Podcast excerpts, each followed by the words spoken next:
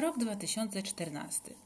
Spokojne dolnośląskie miasto, a w nim ja, a w nim my dwoje. Pani po trzydziestce i pan również. Mamy swoje M2 i psa. Nie, psa nie mamy, ale mamy autko i w miarę stabilną pracę, no i gra gitara. No, niby kokosów nie ma na tych etatach, ale ludzie w pracy fajni i w sumie na wszystko starcza. Rodzina blisko, ale niezbyt blisko i jest do wytrzymania. I wszystko byłoby fajnie, gdyby nie ta głowa. Ta głowa, w której ciągle coś się zbiera i coś się wymyśla. To moja głowa tak intensywnie myśli. Po kilku latach gromadzą się te przemyślenia na temat, temat swojej egzystencji, celu codziennego wstawania rano, albo braku jakiegoś głębszego, ale takiego mega, zaje fajnego sensu. Albo jeszcze taka lepsza myśl. Trawa jest zieleńsza po drugiej stronie. O, ja chcę tam być, bo tam jest mega odlotowa ta trawa. Albo jeszcze inna. Wyjdziesz ze strefy komfortu, to się zaczniesz rozwijać. O mamo, orgazm w locie z przerzutką. Świat się otworzy przed tobą otworem i zaleje cię falą niesamowitych możliwości. O tak, wszystkie, te wszystkie nowe możliwości. Tutaj salcesonik, tam lody, a na popitkę gorzka miętowa. No i uczepiła się mnie ta myśl. Może by tu gdzieś wyjechać, do takiej przecudnej krainy, gdzie wszystko jest proste jak drut i jasne jak słońce. Może taka Australia.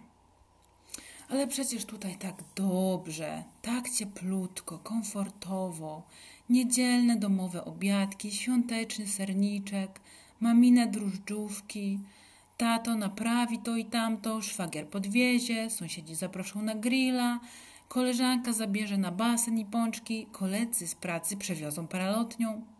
Ale to mało, to za mało. Strzeliło mi coś do głowy w tej całej pluszowej strefie komfortu. Trzy lata tak mi się po głowie kołatało. Jak bliscy już nie chcieli mnie słuchać, to obcych blablakarzy zamęczałam tematem. Nawet wszechświat zaczął do mnie mówić Australią. Wylewała się z każdego zakamarka. Zaczynam wierzyć w to stwierdzenie, że poproś wszechświat, a nużdżę się odezwą. nie, to nie tak. Poproś, a ci odda. No i co dalej? No i co dalej? Dalej zamęczałam mieszać w tym wszechświecie. No i co? No i co dalej? Ile ofiar? Ilu zabitych? Ilu jeńców? Dalej będzie w następnym odcinku.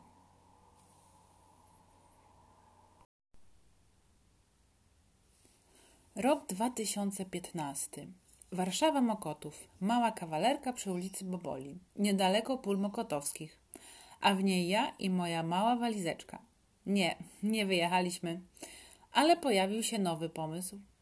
Pomysły to moja specjalność przecież, więc nie mogłam nie skorzystać z wypróbowania opcji pośredniej.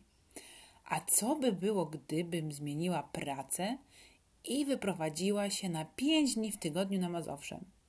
Czyli nie wskakujemy do wody, która zakryje nam uszy, ale może takiej do pasa.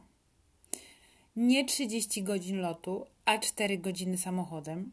Nie 2000 zł za wynajem na tydzień, ale 2000 na miesiąc.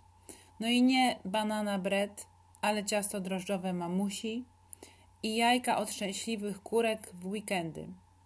Jak pomyślałam, tak zrobiłam. Tymczasowo wymieniłam słoneczne plaże na Mordor i pola mokotowskie.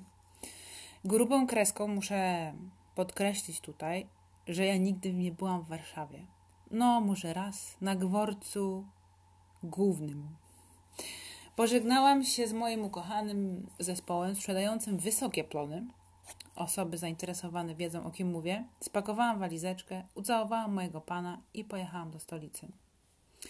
Warszawa przywitała mnie wiosną, targiem na Wołoskiej, drożdżówkami z bezowni oraz ministerstwem kawy.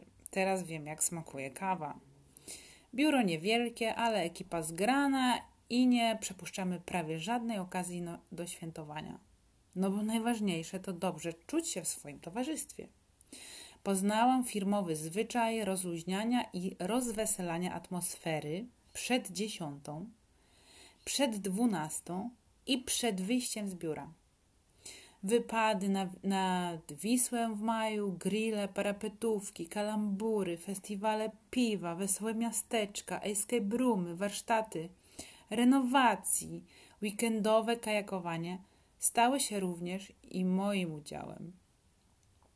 Co więcej, to nie była polityka wewnętrzna firmy, czy budżet socjalny, lub pan dyrek, dyrektor, który planował te wszystkie atrakcje, tylko sam zespół.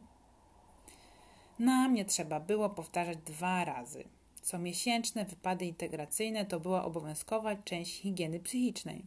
Jak to mówią, work hard and part hard. Nie. Work hard and party hard. Warszawa jako miejsce dała mi wiele okazji do zresetowania mojego myślenia. Zainspirowała mnie do próbowania nowych i nieoczywistych rzeczy. Kurs biżuterii, lekcje salsy, kurs asertywności, konferencja jak oszczędzać pieniądze, czerwone dywany, nagrody, wywiady. Nie, nie, nie, no tak daleko to nie zaszło.